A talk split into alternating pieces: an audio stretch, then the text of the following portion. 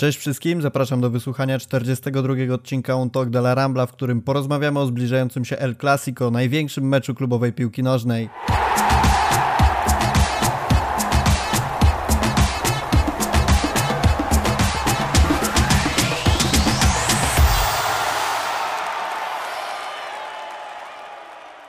Jeżeli nic nie wykrzaczyło się z montażem i publikacją, to premiera podcastu ma miejsce w czwartek, 8 kwietnia. W związku z tym mam olbrzymią przyjemność zaprosić Was na transmisję live dotyczącą sobotniego meczu Barcelony z Realem.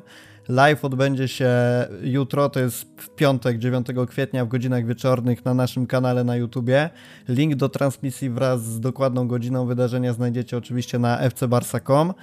Live'a poprowadzą niezastąpiony duet Julia Cicha, czyli redaktor naczelna portalu i Piotr Baleja, który do niedawna pełnił rolę montażysty, natomiast e, z czasem został człowiekiem do zadań specjalnych, zresztą za chwilę usłyszycie go tutaj również na naszym podcaście. E, nie będą to jedyni uczestnicy. Już teraz mogę zdradzić, że swój olbrzymi wkład merytoryczny dołoży gość, którego na pewno nie trzeba nikomu przedstawiać, czyli dziennikarz Kanal Plus Tomasz Świąkała. Czy to koniec listy gości? Przekonacie się sami, zapraszamy serdecznie.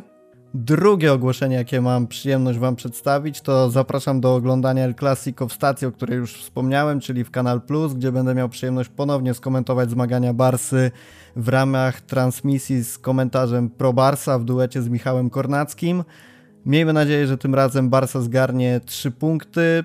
Co muszą zrobić, żeby tak się stało, o tym porozmawiamy za chwilę. Natomiast mamy jeszcze trzecią bardzo ważną informację. Bardzo możliwe, że w momencie, w którym nas słuchacie lub naprawdę lada moment, znajdziecie na stronie informacje o możliwości wsparcia naszej działalności e, poprzez Patronite'a. Zaglądajcie na fcbarsa.com, na pewno traficie na wszystkie cenne informacje o funkcjonowaniu tej opcji i możliwości współtworzenia serwisu poprzez dołożenie niewielkiej finansowej cegiełki. Zaglądajcie, zapoznajcie się z tym, jak to działa. Zachęcamy gorąco do tego, żebyście nas wspierali i żebyśmy mogli wspólnie rozwijać nasz projekt. Wspomniałem już o tym, że dzisiaj w podcaście bierze udział Piotr Baleja, ale przywitać się musimy, także siemanko Piotrek. Cześć, dzień dobry, dobry wieczór wszystkim a drugim uczestnikiem jest Błażej Gwozdowski. Cześć. Cześć.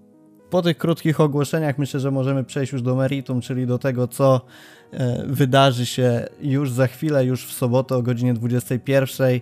El Clasico Barcelona Real, a w zasadzie powinienem powiedzieć Real Barcelona, bo czeka nas spotkanie wyjazdowe. E, zaczniemy sobie takim słowem wstępu, panowie, o tym, czy uważacie, że klasyki stały się mniej elektryzujące niż miało to miejsce kiedyś? Czy ciągle podchodzicie do tych meczów z, taką, z takim wyczekiwaniem i, i niecierpliwością na wielkie spotkanie, czy raczej mecze Barsy z Realem wam już trochę spowszedniały? To może ja zacznę. E, nie wiem, czy to kwestia wieku, czy, czy kwestia tego, że e, takich osobistości jak Mourinho, Guardiola czy, czy Ronaldo nie ma już e, w Barcelonie i w Realu, ale ta temperatura klasyków chyba jest trochę niższa. Przynajmniej ja mam takie e, wrażenie, że przynajmniej w porównaniu do tych, które toczyły się właśnie za czasów Mourinho i Guardioli, może nie jest to letnia temperatura, zgrzeszyłbym, gdybym tak powiedział, ale to już nie jest temperatura wrzenia. To też wydaje mi się, że nie do końca jest tak, że ten mecz zawsze decydował o, mm, o, o mistrzostwie. Tutaj jest trochę inaczej, bo Atletico co i róż zalicza jakąś dziwną wpadkę i, i faktycznie ten mecz może zdecydować o tym, czy któraś z drużyn wyleci z tej walki o, o, mistrzostwo, mm, więc tutaj ten powiedzmy sportowy aspekt wrzenia jest spełniony, ale tej, tej otoczki nie ma. No nie, nie, nie widzę tutaj, żeby Zidane czy Kuman wsadzali sobie palce w oczy albo jakoś szczególnie dogryzali na konferencjach prasowych. Nie wiadomo, czy zagrają Ramos i, i Piqué, czyli e, chyba teraz dwaj najwięksi krzykacze, jeżeli chodzi o oba kluby. Także no, myślę, że sportowo będzie, na pewno będzie ciekawie, PR-owo zdecydowanie mniej. Błażej, a ty jak u ciebie sytuacja? Wyczekujesz, czy raczej na spokojnie? Faktycznie temperatura mm, klasyków wydaje się trochę niższa.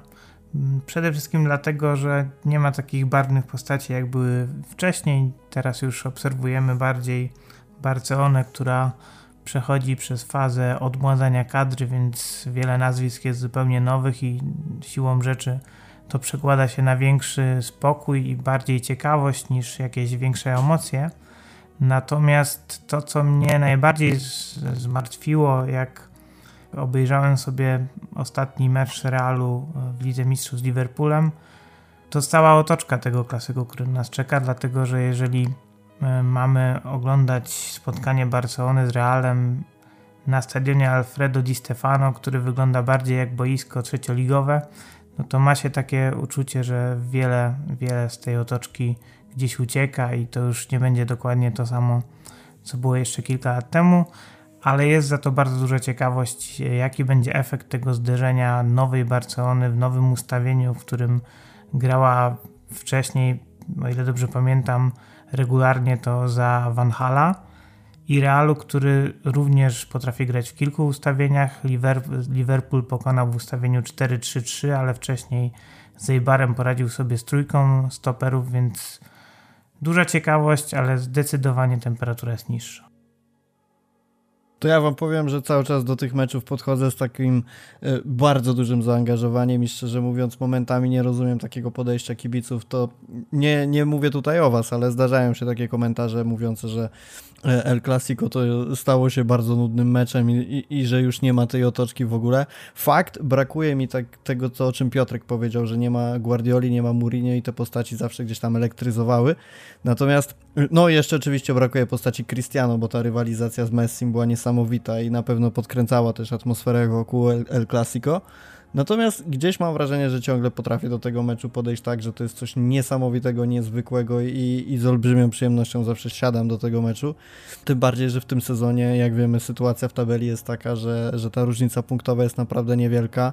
E, również tak jak ty, Błażej, jestem ciekawy tego, jak będzie się prezentować ekipa Kumana w tym momencie, po tych, po tych zmianach, po tym tak naprawdę zespoleniu 11 graczy w prawdziwy zespół. I skoro już jesteśmy przy zespole, skoro jesteśmy przy kumanie i taktyce, to powiedzmy sobie o tym krótko. Jakim składem waszym zdaniem Barcelona wyjdzie na ten mecz, na kogo możemy liczyć, a kto tym razem usiądzie na ławce? To jest trudne wyrokować nawet w jakim ustawieniu Barcelona wyjdzie. Prawie pewne jest, że wyjdzie z trójką obrońców, ale może to być zarówno ustawienie, które Ronald Koeman zastosował w meczu ligowym z Sevillą wygranym 2 do 0, kiedy w środku obrony mieliśmy tylko stoperów.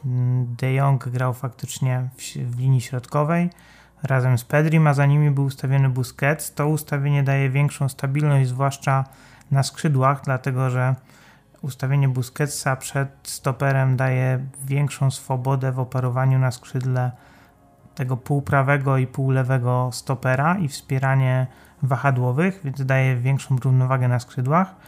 No ale brakuje nam tego dodatkowego żądła w ataku, którym e, w ustawieniu oglądanym w ostatnich meczach Barcelony jest Griezmann bo zakładałbym, że w ustawieniu, które miało miejsce właśnie w meczu z Sevillą, tym drugim napastnikiem obok Leo Messiego byłby właśnie Dembele.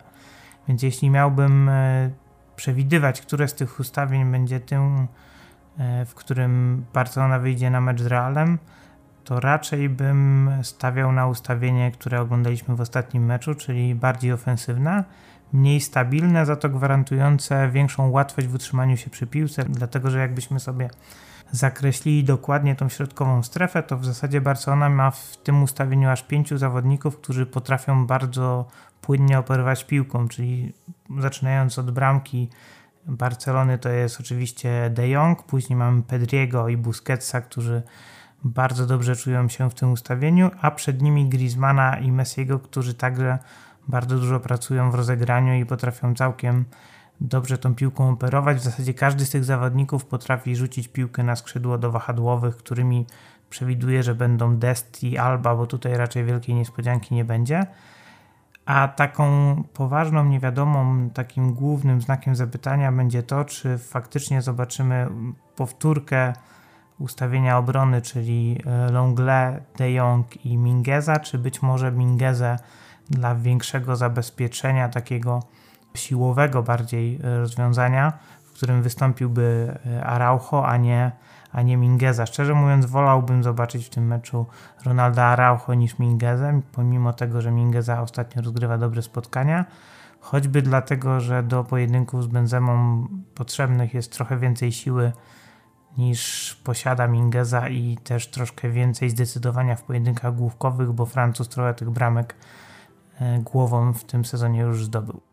Ja tutaj z Błażejem się zgodzę, że bazowym tym ustawieniem Barcelony będzie e, trójka obrońców, z tym, że widzę trochę więcej jakby znaków zapytania, Mm, bo takim, tak, no czy, czy wystąpi Mingeza, czy Araujo, to też o tym myślałem, ale zastanawiam się, czy wyjdziemy trzema środkowymi obrońcami klasycznie, e, czy Kuman tutaj pozwoli sobie na mm, otwarcie furtki na kilka innych e, ustawień, bo jeżeli zagramy z De Jongiem w środku obrony, no to wtedy możemy płynnie przejść do kilku ustawień. Wypisałem sobie, że Barcelona, jeżeli wyszłaby takim ustawieniem jak na Valladolid, e, Barcelona może zagrać 3-5-2, 3-4-3, 3-4-2-1, 4-3-3. A prawdopodobnie tych wariantów jeszcze można sklecić troszeczkę więcej. Te są takie najbardziej popularne i chyba E, jakoś tam w miarę przetestowane e, w ferworze walki. Mm, no prawda też jest taka, że Barcelonie ciężko się gra, jeżeli ktoś wyjdzie takim e, ustawieniem lustrzanym, więc tutaj bym preferował jednak tego De Jonga, mm, który by był cofnięty, a ewentualnie mógł gdzieś wyjść do przodu. Co do tego, czy Real wyjdzie trójką obrońców, wydaje mi się, że nie, bo po prostu tych trzech obrońców nie ma. Problem pojawił się przed meczem z Liverpoolem, kiedy na dosłownie kilka godzin przed meczem Varan dowiedział się o zakażeniu. Ramos cały czas jest kontuzjowany, nie wiadomo czy wróci na, na klasyk, więc na dobrą sprawę zostaje tylko Nacho, który jest kiedyś tam prawym obrońcą, był teraz jest w zasadzie przemianowany na, na, na tego środkowego obrońcę i Militao. Za bardzo tutaj kogo do środka nie ma już dokoptować, bo Carvajal, który od biedy mógłby zagrać, również ma uraz, również nie wiadomo czy wróci. Mendy kompletnie się nie nadaje na takiego środkowego obrońcę, tym bardziej Marcelo. Więc szczerze powiedziawszy, czy tutaj Zidane by ryzykował wyciągnięciem kogoś z drugiego zespołu i, i wrzuceniem na, na tak ważny mecz? No wydaje mi się, że nie. Bardziej tutaj prawdopodobne jest to, że Real wyjdzie takim ustawieniem jak e, z Liverpoolem, gdzie będzie starał się gdzieś zdominować środek pola i właśnie takimi długimi przerzutami na na Asensio czy, czy Viniciusa mm, próbować rozrywać tą dosyć wolną obronę Barcelony. No tutaj też odpada wtedy aspekt y, dosyć trudnego rozgrywania po ziemi, kiedy jest Busquets, bo mówmy się, że ten piłkarz mm, jest absolutnie totalnie wolny, ale czytanie gry nadal jest na dosyć wysokim poziomie. E, więc wydaje mi się, że tutaj może być właśnie tak, że ten Benzema będzie gdzieś się próbował rozpychać, uciekać, tak jak to ma E, w zwyczaju, że jest bardziej takim pracującym napastnikiem niż strzelającym, a gdzieś ten Vinicius, który, który wrzucił te, te dwie bramki w meczu Ligi Mistrzów i Asensio, który też dołożył swoją cegiełkę, e, będą próbowali atakować. Także wydaje mi się, że ustawienie obrony e, Longle z De Jongiem i właśnie Araujo Mm, byłoby optymalne. Dalej, no to, to już chyba klasyka gatunku, bo tutaj e, w tym sprawdzonym systemie nie ma, nie ma co mieszać. Ja tak w zasadzie na koniec dodałbym jeszcze, że mm, absolutnie bym nie patrzył też na to, jak gra Barcelony wyglądała w meczu z Valladolid E, wirus FIFA to jest to, co było powtarzane chyba od zawsze, a przynajmniej odkąd ja pamiętam, mm, przy powrocie z, z reprezentacji. Barcelona zawsze grała wtedy fatalnie i to też niezależnie od, od trenera, bo i u Guardioli zdarzały się bardzo głupie wpadki, e, czy u Enrique po, po powrotach e, z, z kadry. I ten mecz bym tak potraktował jako takie przetarcie. No, trzy punkty zdobyte, mecz do zapomnienia jedziemy na klasyk i, i raczej trzymajmy w głowie mecz e, na Anoeta. To też e, Franki powiedział po meczu z Realem Valladolid, że mecze po przerwie reprezentacyjnej są trudne i ciężko się przestawić. E, dwa pytania do Was. Pierwsze dotyczy linii obrony. Nie wspomnieliście o Gerardzie Pique. Wykluczamy go z klasyku? Nie, nie widzicie szansy na to, że wybiegnie w podstawowym składzie? Znaczy z informacji, które widziałem dzisiaj, to Pique mm, ma duże problemy zdrowotne. On jeszcze nie bardzo trenuje z grupą, więc no Mingeza się sprawdza, Araujo wrócił już do zdrowia, trenuje, wrócił na boisko, e, łapał już pierwsze minuty, więc wydaje mi się, że byłoby straszną głupotą e, ryzykowanie e, wstawiania Pique, ale już ja wspominałem o tym, że ten wariant z trójką sztywnych stoperów, tak to nazwijmy, czyli Araujo, Pique, Longle, czy, czy za któregoś z nich Mingeza, mm, też wchodzi w grę, chociaż on by był taki właśnie usztywniony, nie dawałby tej, tej możliwości przejścia chociażby na 4-3-3, ewentualnie no, dawałby trochę mniej w ofensywie, bo wtedy e, Dest musiałby zostać gdzieś, e, gdzieś na, na, na boku, a na prawej obronie grać e, Mingeza.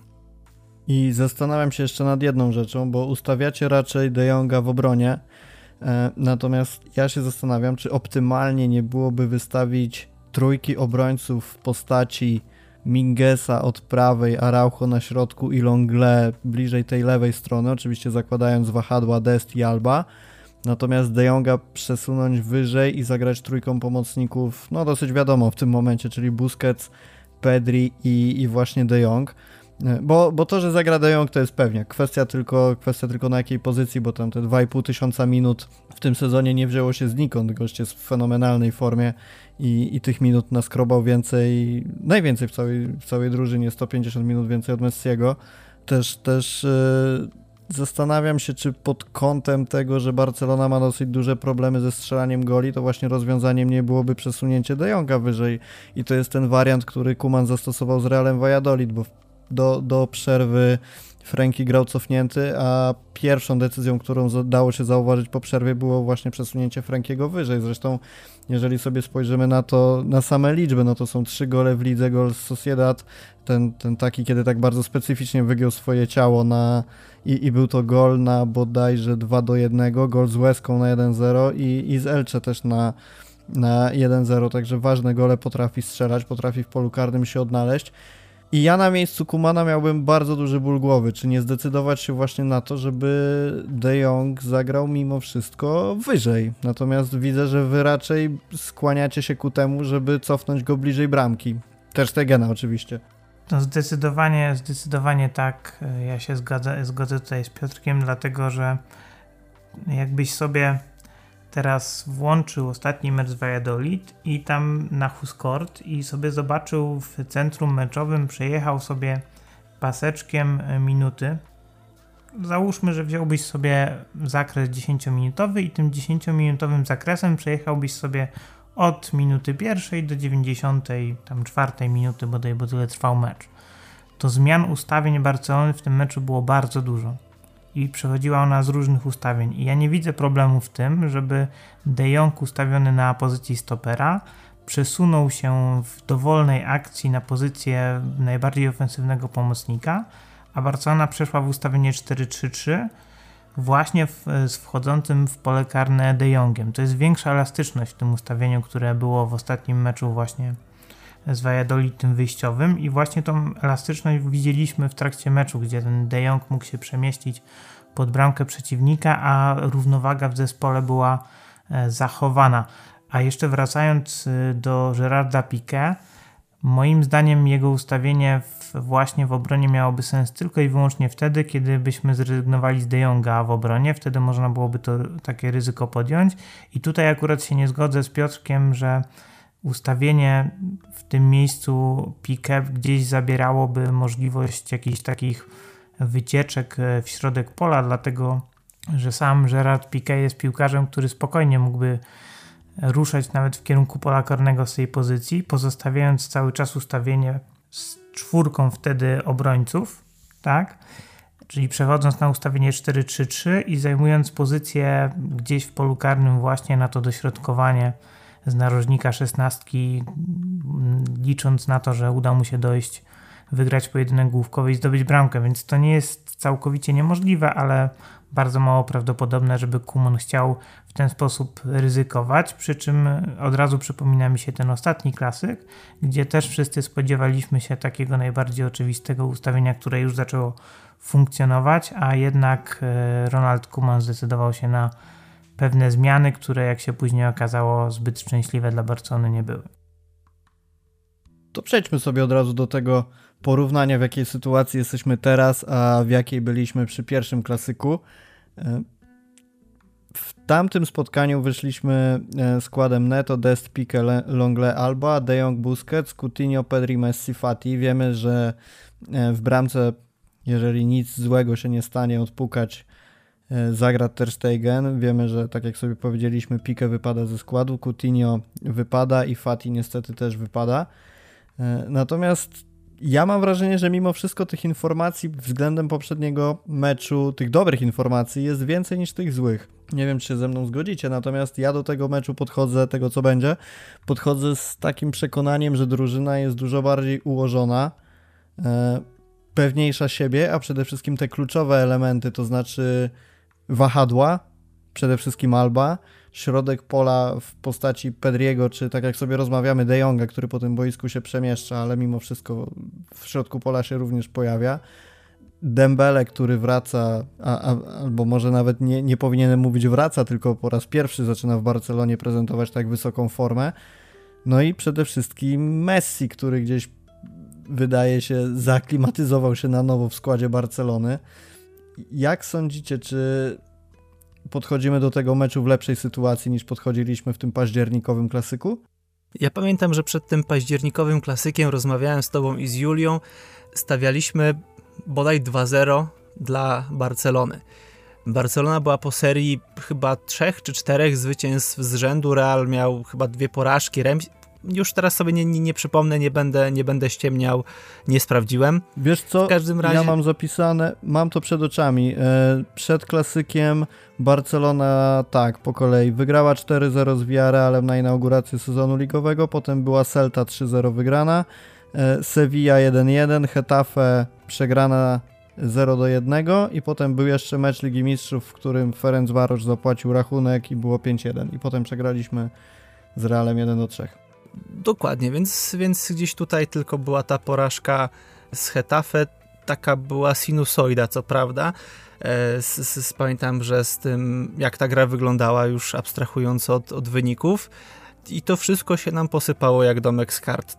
Tak jak mówisz, tu się zgodzę, że w tym momencie ta Barcelona wydaje się bardziej okrzepła. Pozbyliśmy się mm, wielu chorób wieku dziecięcego, jakiejś chimeryczności, próby przestawienia, e, szukania swojej drogi. Wydaje mi się, że Kuman dotarł do zespołu, oni się jakoś wszyscy fajnie zgrali. Jest to ustawienie bazowe, o którym przed chwilą rozmawialiśmy. Są te fajne zmiany, bo, bo ta płynność e, w grze e, mi się podoba, bo wcześniej było takie przyspawanie do tego 4-3-3 i to było już nawet archaiczne bym powiedział. Wszystkie zespoły poszły do przodu, a my dalej uparcie mówiliśmy o DNA Barcelony, o tym, że ten, to ustawienie jest wpisane e, w nasz kod genetyczny, bla, bla, bla, bla, bla i inaczej się nie da. No okazuje się, że inaczej się da jest nawet lepiej i, i, i to wszystko wygląda coraz fajniej. Czy jesteśmy w lepszej sytuacji?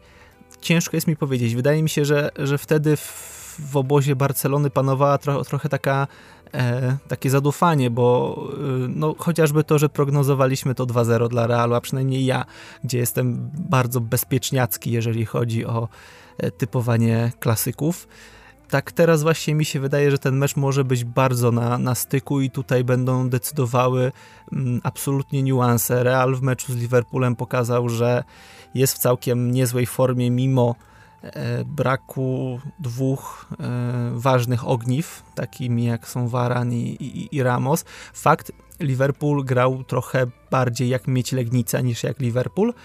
E, może też tego meczu do końca na serio bym nie brał, ale mm, no, jednak to była Liga Mistrzów, jednak ten Real wygrał 3-1 mieli kilka, kilka fajnych sytuacji. Bramki fakt po, po katastrofalnych błędach e, obrony, no ale jednak strzelone trzy błędy trzeba umieć też wykorzystać. Więc wydaje mi się, że oni tak sobie człapią, człapią, człapią, ale są w, w całkiem przyzwoitej formie.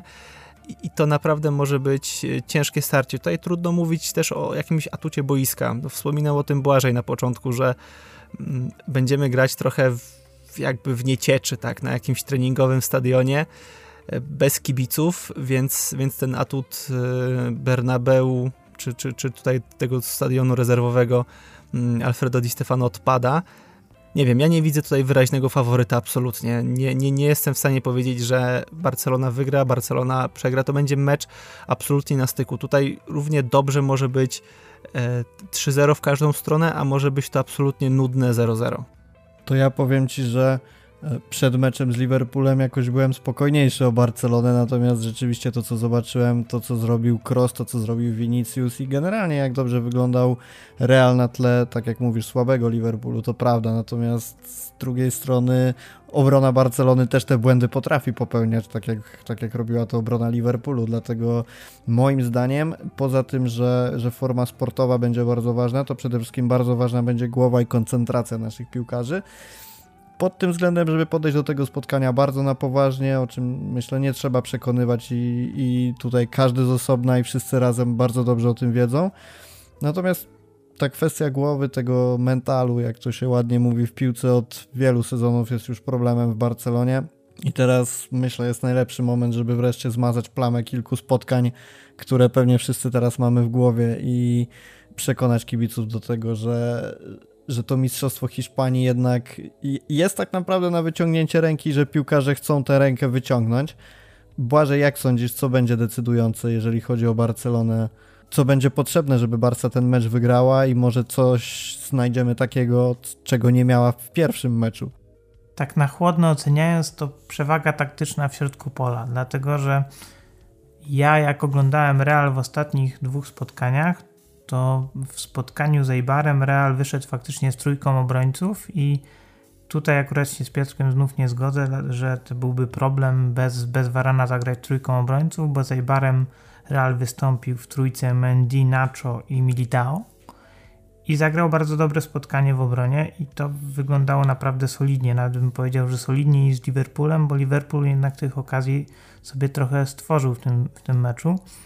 I nie zdziwiłbym się, gdyby Zidane stwierdził, i powtarzam dokładnie to ustawienie, z pewną korektą na pewno w środku pola, bo w tym ustawieniu nie było miejsca zarówno dla Modricia, jak i Krosa w środku pola, a to jest chyba największa przewaga Realu Madryt nad Barceloną, środek pola, bo ustawienie z Casemiro, Modriciem i Krosem zawsze będzie dawało przewagę Realowi w środku pola, chyba że będzie zabieg taktyczny, który pozwoli tą przewagę wynikającą z jakości zawodników zniwelować, bo jakbyśmy nie piali zachwytu nad Pedrim czy nad nagłą przemianą Busquetsa, to jednak ten środek pola Barcelony ma mniej jakości niż środek pola Realu Madryt i to było widać właśnie w tym meczu z Liverpoolem, jak duża jest ta jakość pomocników Realu. To, co wspominałeś o tym, jakie piłki Cross potrafi zagrać na 30, 40 czy nawet 50 metrów.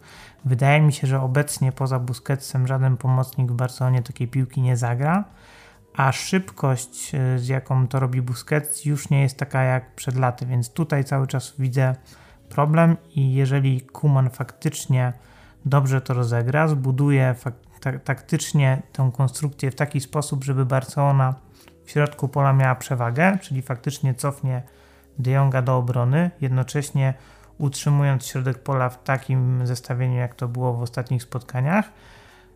Gdzieś tam Griezmana y, ustawi bardziej w środku pola, pracującego bardzo dużo w defensywie, to może się okazać, że Barcelona zyska tę przewagę w środku pola.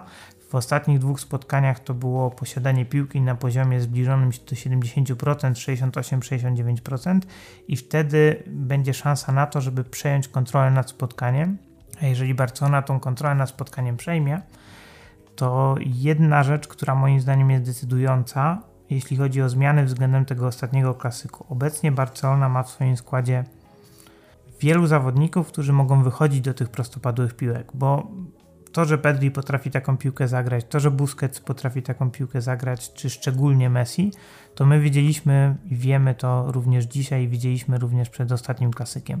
Ale trzeba było mieć zawodników, do których można tę piłkę podać. I jedna z bramek, bramka Fatiego, którą pewnie Rafał bardzo dobrze pamiętasz, to był, gol, to był gol, który był wynikiem takiego bardzo, bardzo szybkiego rozegrania e, przyspieszenia piłką prostopadłą na skrzydło i gdybym miał czegoś oczekiwać przed tym meczem, to właśnie wielu takich piłek na Desta, na Albę, na Griezmana również, dlatego że Griezmann ma niezwykłe czucie tej linii e, obrony, a Real na pewno nie będzie się cofał we własne pole karne. Ta linia obrony będzie troszkę bardziej wysunięta po to, żeby między liniami nie było żadnych przestrzeni. Więc zakładam, że jeżeli Barcelona uzyska tą przewagę w środku pola, będzie miała piłkę i będzie potrafiła znaleźć sobie ten moment w rozgrywaniu, w którym jest właściwy czas, żeby podać piłkę na skrzydło, bądź też prostopadłe po prostu do Dembele, który na środku ataku może nie jest super skuteczny, ale szybkością dysponuje niesamowitą. Na pewno nie jest wolniejszy, choćby od Viniciusa, który bramkę zdobył w meczu z Liverpoolem właśnie po takiej akcji, której bym oczekiwał w meczu z Realem, ale właśnie po stronie Barcelony. Nie mówię, że Barcelona ma tak grać cały czas, ale musi być przygotowana, żeby takie piłki zagrywać. A to będzie możliwe właśnie wtedy, kiedy ta przewaga w środku pola będzie, bo jeżeli miałbym liczyć na to, że będziemy przejmować piłkę po, po, po jakichś przejęciach, rozpoczynać szybkie akcje, pewnie. To, to jest najszybsza metoda, żeby przedostać się pod bramkę przeciwnika. Ale prawda jest taka, że wtedy tych okazji będzie na pewno mniej niż kiedy Barcelona ma pełne posiadanie dominuje nas przeciwnikiem. I przy tej skuteczności, jaką Barcelona w tym sezonie prezentuje ogólnie, za drobnymi wyjątkami, jakim między innymi był mecz e, z Realem Sociedad, to może być problem, żeby ten mecz wygrać i spodziewam się bardzo wyrównanego spotkania. Liczę na to, że raczej będzie to wynik e, w pobliżu 3-2 czy 4-3, a nie 0-0 i stawiam, że to Barcelona tą jedną bramkę więcej w tym meczu zdobędzie. Za to trzymamy kciuki pozwolisz, że się jeszcze z Błażejem i zgodzę i nie zgodzę. E, nie zgodzę się z tym, że e, jest szansa na, mm, czy inaczej, że to będzie dobry pomysł wystawienie Mendiego jako jednego ze środkowych obrońców. Jednak Eibar jest to z drużyna druga od końca, o ile dobrze pamiętam, więc tutaj można było sobie mm, poeksperymentować. Liverpool jaki jest, taki jest, ale jednak y, Salah czy, czy Żota to no to jest jakaś klasa. No to, to są zawodnicy, którzy potrafią e, jednym zagraniem na dobrą sprawę zrobić, zrobić jakąś różnicę. Mm, na Mendy jest jednak zawodnikiem, który mocno się poprawił w defensywie, ale jednak to nie jest jeszcze aż taki poziom, żeby ustawiać go e, na, na środku i tutaj, żeby próbował walczyć czy, czy z Messim, czy, czy z Dembele. Mm, wydaje mi się, że tutaj też może trochę to zależeć od tego, jak będzie Dembele ustawiony. E, może być też poszukiwanie na boisku. Ja, ja nie twierdzę, że Real musi też na sztywno wyjść, bo być może tutaj gdzieś, gdzieś będą takie pojedynki biegowe właśnie Mendy i Dembele, bo, bo tutaj wydaje mi się, że w obronie to jest jedyny mm, człowiek, który może się z Dembele pościgać. Zgodzę się za, znowu co do e, tego środka pola. Tutaj z Liverpoolem mm, to była bardzo ciekawa rzecz, bo e, wszyscy liczyli, że ten Real, wiedząc o fatalnej defensywie Liverpoolu, o dwóch parodystach na, na, na środku obrony, mm, rzuci się do ataku. A Real sobie spokojnie grał od, od tyłu y, i to Liverpool musiał trochę wyjść wyżej do, do, do przodu i tutaj zrobiło się dużo przestrzeni. Mm, fakt, że no, nie grał praktycznie zupełnie Keita po, po wejściu Tiago, to się, to się też mocno zmieniło, ale ten Real, który właśnie rozgrywał ten, ten turbo dokładny cross, czy, czy zupełnie niezmordowany e, Modric, facet, który, któremu bliżej do 40 niż do 30, a ma tak, w taką wydolność, potrafi tak jeszcze biegać, że to jest, to jest niesamowite, mm, to jak on walczy. Więc tu też widzę jakby tą dużą przewagę Realu. Jeżeli, jeżeli Kuman nie znajdzie sposobu na, na zdominowanie środka pola, może być to duży problem, bo, bo same skrzydła, które uważam, że w osobach y, Alby, no to, to jest klasa sama w sobie, to jest, to jest to nie jest lewy obrońca, to jest urodzony wahadłowy, a przynajmniej wahadłowy, który, e, może lewy obrońca, który ewoluował wahadłowego, mm, sprawdza się tam doskonale. Na Desta trochę utyskujemy, ale moim zdaniem nie jest też wcale tak, tak źle, jak się niektórym wydaje i, e, ta szybkość, porywczość i czasami bezczelność w tych, tych driblingach tutaj zależy, jak on w ten mecz wejdzie, bo jeżeli dwa pierwsze, trzy pierwsze driblingi będą udane, to jestem spokojny, że Dest zagra bardzo dobre spotkanie. To myślę, że te skrzydła gdzieś tutaj możemy faktycznie mieć, mieć lepiej opanowane i w jedną i w drugą stronę, w sensie i do przodu i do tyłu. Więc kwestia jest teraz e, rozpracowania i walki o ten środek pola. Mam nadzieję, że tutaj swoją rolę właśnie odegra Griezmann, który no, to jest jego i przywara trochę, ale tutaj może być e, zdecydowanie plusem. To, że on potrafi przytrzymać piłkę, trochę to wszystko uspokoić, byleby nie zaspał tego wszystkiego. W kontekście Griezmana może być też ważna ta praca, o której tyle mówimy, bo jeżeli się okaże, że będzie potrzebny zawodnik, który na, na, na gazie mniejszym lub większym, ale wróci do obrony, to ja prędzej spodziewam się, że zrobi to Griezmann niż na przykład Dembele i tu też będzie bardzo ważna rola Francuza. E, co do tego, co sobie powiedzieliśmy, że stadion, jaką będzie pełnił rolę, z jednej strony jasne, macie rację, że bez kibiców i na, nie na Santiago Bernabeu ten mecz będzie zupełnie inny niż miałby miejsce na Santiago Bernabeu. Natomiast prawda jest też taka, że Real gra u siebie, bądź co bądź jaki to jest stadion i według mnie będzie chciał pokazać, że na swoim terenie może wygrać, to jedna rzecz. Druga rzecz jest taka, że musi wygrać, jeżeli chce myśleć o mistrzostwie i to jest bezpośrednie starcie z Barsą jest najlepszym momentem, żeby ją przeskoczyć tak naprawdę i przez to będą się musieli otworzyć i dojdzie do sytuacji, tak sądzę, o której wspomnieliśmy już, czyli że ta obrona będzie jednak grała dużo wyżej niż chociażby miało to miejsce w meczu z Realem Valladolid i, i to stworzy Barcelonie szansę. Natomiast jeszcze jedna rzecz, która może być plusem i która może być minusem po naszej stronie, jeżeli chodzi o podejście do tego meczu, czyli presja wygranej. E, wiemy, że Barcelona w tym sezonie potrafiła walczyć do końca i zdobywać bramki w minutach, które pewnie by nam nawet do głowy nie przyszły i te remontady miały miejsce.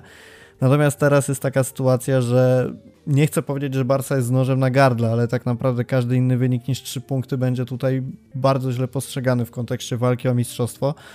I czy waszym zdaniem taka presja pomoże Barcelonie, czy raczej dojdzie do sytuacji, że wyjdą zestresowani, e, nie będą chcieli zaryzykować i tak dalej? I jak w tym wszystkim odnajdzie się Messi? Bo z jednej strony wiadomo, czego oczekujemy od Messiego jako najlepszego piłkarza i jako kapitana, żeby te bramki strzelał, był, był pierwszoplanową postacią. Z drugiej strony wiemy też, że Messi w tych meczach lubi znikać. No, można się z tym mniej lub bardziej zgadzać, ale, ale zdarzało mu się koło ważnych meczów przechodzić bokiem. E, jak to widzicie?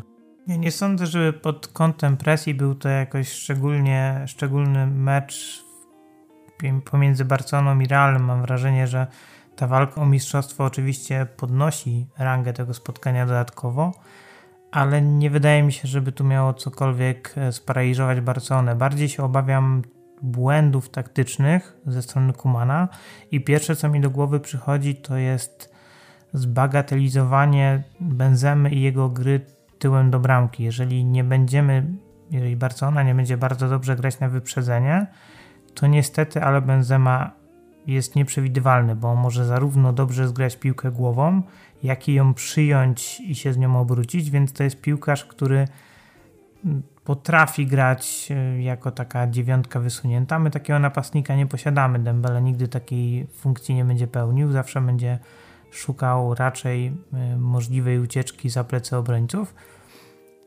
I tego Benzemy trzeba będzie w tym wypadku zneutralizować. Drugi problem, który widzę, który mi przychodzi do głowy, jeżeli Barcelona wyjdzie w ustawieniu z Araujo i z Longle i pomiędzy nimi De Jongiem, to odwrócenie skrzydłowych, czyli przerzucenie Viniciusa na, na wolniejszego Longle i to może być też jakiś problem dla Barcelony. Mam nadzieję, że to będzie raczej e, konsekwencja tego, że Araujo będzie się w, trak w trakcie spotkania bardzo dobrze spisywał na, na prawej stronie i nagle będzie trzeba szukać jakiejś, e, jakiegoś innego rozwiązania i wtedy faktycznie Vinicius powędruje na, tą prawe, na to prawe skrzydło, ale gdzieś mi tam w głowie się kotuje, że to może być taki element zaskoczenia, bo sumarycznie zgadzam się z Piotrkiem, że najbardziej prawdopodobne ustawienie to jest ustawienie z czwórką obrońców i jeżeli jakkolwiek Zidane ma za zaskoczyć w tym meczu Kumana, to właśnie jakimiś takimi detalami taktycznymi, które spowodują, że gdzieś ta gra Barcelony będzie zdestabilizowana.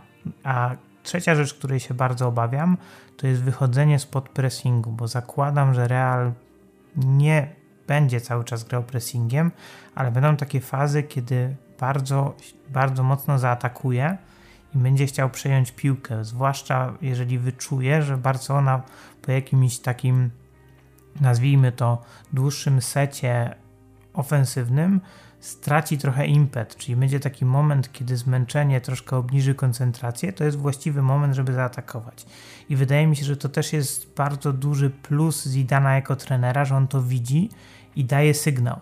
To jego mityczne już klaskanie niekoniecznie musi być tylko jakimś tam układem, e, układem choreograficznym, z którego się nierzadko śmiejemy, ale może być też właśnie tym przejawem, że on potrafi takie rzeczy dostrzec na boisku i Real potrafi te momenty świetnie wykorzystać. Kiedy przeciwnik się dekoncentruje, traci pod wpływem zmęczenia tą koncentrację i to jest właściwy moment, żeby poszukać przejęcia i zdobycia bramki. Jak ja obserwuję sobie w tym sezonie to, w jaki sposób Real zdobywa bramki, to widzę takie dwie ścieżki, obie są na wymęczenie przeciwnika. Pierwsza to jest właśnie dośrodkowywanie wiele, wiele razy piłki w pole karne, aż w końcu któryś z zawodników popełni błąd, to nawet statystyka nam podpowiada, że w końcu musi, albo właśnie wyczekanie momentu, kiedy ta koncentracja spada i zaatakowanie pressingiem. Więc tego się obawiam, że gdzieś tam Barcelona zostanie w ten sposób zaskoczona. Owszem, później jakby się okazało, że Barcelona straci dwie bramki, to wtedy ta presja może przygnieść Barcelonę. Nie widzę takiego takiego zawodnika, który mógłby gdzieś tam zebrać wszystkich zawodników i, i spowodować, że ta drużyna powstanie z takiego wyniku, więc obawiam się, że jeżeli już faktycznie ten mecz się źle rozpocznie dla Barcelony, to będzie problem związany z tą presją, o której wspominałeś, ale jeżeli nie będzie błędów taktycznych, Barcelona dobrze wejdzie w to spotkanie, to moim zdaniem problemu z presją być nie powinno. Czyli Błażej raczej stawia na błędy taktyczne, jeżeli chodzi o ewentualną klapę Barcelony, a ty Piotrek, jak bierzesz pod uwagę, że presja może stłamsić dumę Katalonii? No ja myślę, że tak. Ja nawet y, pójdę y, może nawet nie krok, a trzy kroki dalej. To może być mecz o być albo nie być Ronalda Kumana. Bo my możemy sobie teraz mówić, Juan Porta może sobie teraz mówić, że, y, że Kuman to jest fajny chłop, fajnie trenuje, coś tam wychodzi, ma jakąś wizję, pogadali sobie, jest fajnie, fajnił się po koleżeńsku.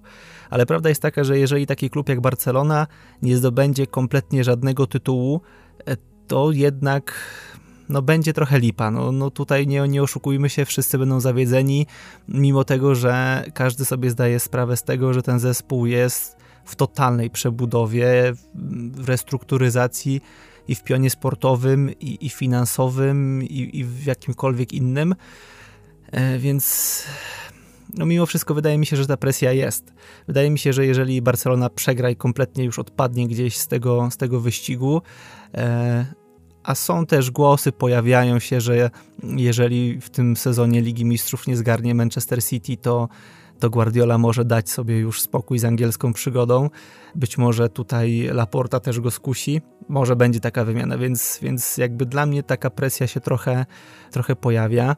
No ten poprzedni klasyk był, był przegrany, więc e, tutaj też jest dodatkowe jakieś dołożenie. No i przede wszystkim właśnie to, że gramy o tytuł tak naprawdę, bo mm, zwycięstwo z Realem mocno nas przybliży i w zasadzie ten Real jako taki rywal gdzieś już może odpaść i będziemy tylko i wyłącznie patrzeć na to, co, co robi Atletico, które się nieco pogubiło.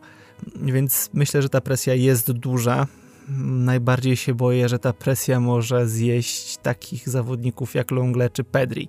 Pedri dlatego, że jest młody i on pierwszy raz w zasadzie będzie czuł taką presję, a, a Longle dlatego, że to jest bardzo elektryczny zawodnik, on potrafi zagrać fajne spotkanie ale potrafi też zrobić tak niezrozumiałe rzeczy jak e, chociażby Kabak w Liverpoolu, który, dziś, który w meczu z Realem nie, nie, nie potrafił trafić w piłkę, także mm, gdzieś o tych dwóch zawodników się boję.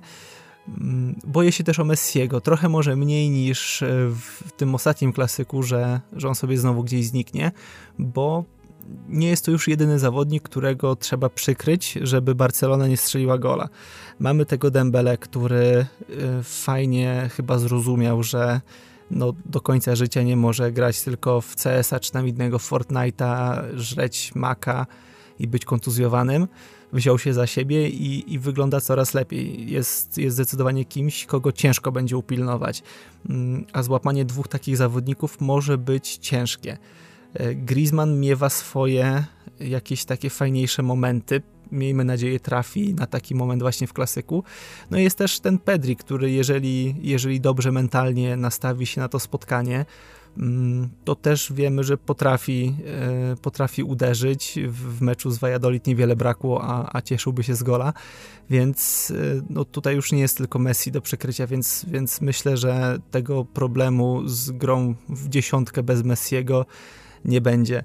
Mm, ale też dostrzegam taki problem, o którym mówił Błażej, że no, brak jest takiego mentalnego lidera. No, ten Piqué mógłby gdzieś trochę nas, nas wyciągnąć, ale od czasów Pujola czy, mm, czy, czy Szawiego brakuje nam trochę takiego generała, który by potrafił pociągnąć ten, ten zespół za, za uszy to w kontekście presji ja jeszcze słówko od siebie dorzucę, bo ja mam wrażenie, że ta presja zacznie mieć miejsce mniej więcej w okolicach 60-70 minuty, jeżeli będzie wynik niekorzystny i okaże się, że trzeba odrabiać straty, a tak jak sobie rozmawiamy, za bardzo nie ma kim tych strat odrabiać, bo jeżeli Messiemu nie będzie szło, to, to okej, okay, możemy liczyć na bramki Griezmana, Dembele czy kogokolwiek innego, czy na powtórkę y, fenomenalnego strzału Trincao, w ostatnich minutach, natomiast jeżeli, jeżeli tych bramek nie będzie, to ja przy każdym takim meczu Barcelony w tym sezonie mam wrażenie, że jeżeli nam nie idzie, to, to ta bramka na, na trzy punkty na remis, która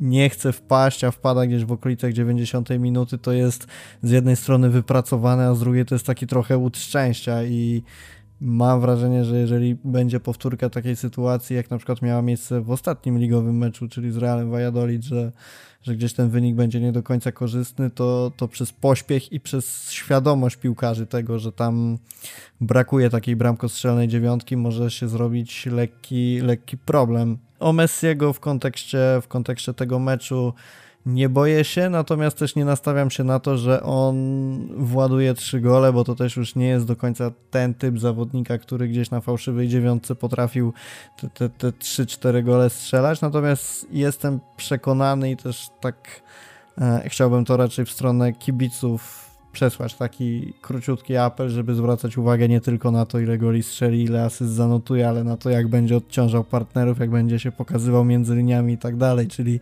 czyli to, że nie oglądamy meczów na, na podstawie sofa score, flash score, tylko, tylko żeby patrzeć, co, co rzeczywiście Messi robi. Oczywiście nie usprawiedliwiamy jego błędów, ale często ten problem w kontekście obserwowania gry Messiego się pojawia.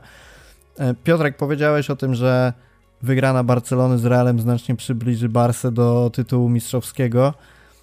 Ja zakładam, że ten mecz może tak naprawdę wyłonić mistrza, bo patrząc na to, co gra Atletico, ja się nie spodziewam, szczerze mówiąc, żeby oni nie stracili jeszcze punktów do końca sezonu i mam wrażenie, że mogą nawet na trzecim miejscu skończyć.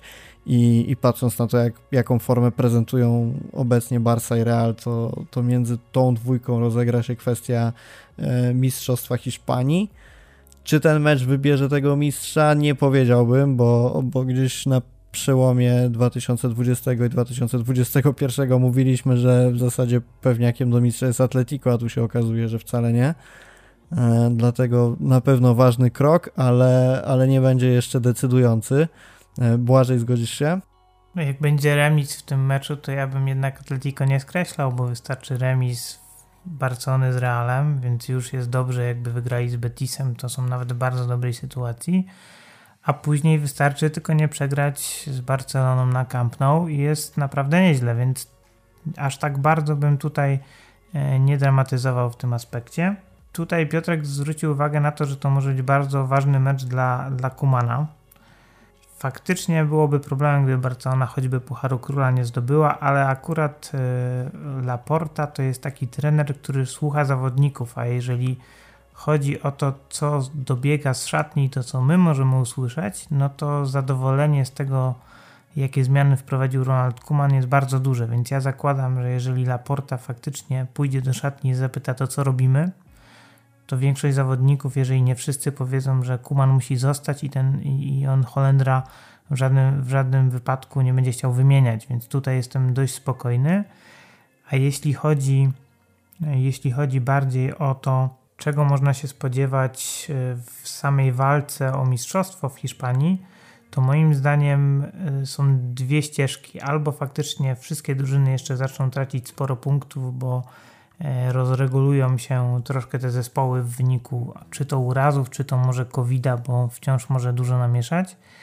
Albo faktycznie to, co, to, co powiedziałeś, czyli Atletico straci punkty teraz na przykład z Betisem, Barcelona z Realem będą do samego końca walczyć i wygrywać mecz za meczem i będziemy oglądać taką sytuację, że albo Barcelona, albo Real zgarną te, te mistrzostwo Hiszpanii, a Atletico będzie jeszcze musiało tak troszkę lękliwie patrzeć na Sewillę, która gdzieś tam będzie próbowała podgryzać tą najlepszą trójkę w Hiszpanii, więc jeśli miałbym przewidywać, czy ten mecz faktycznie wyłoni mistrza, to nie.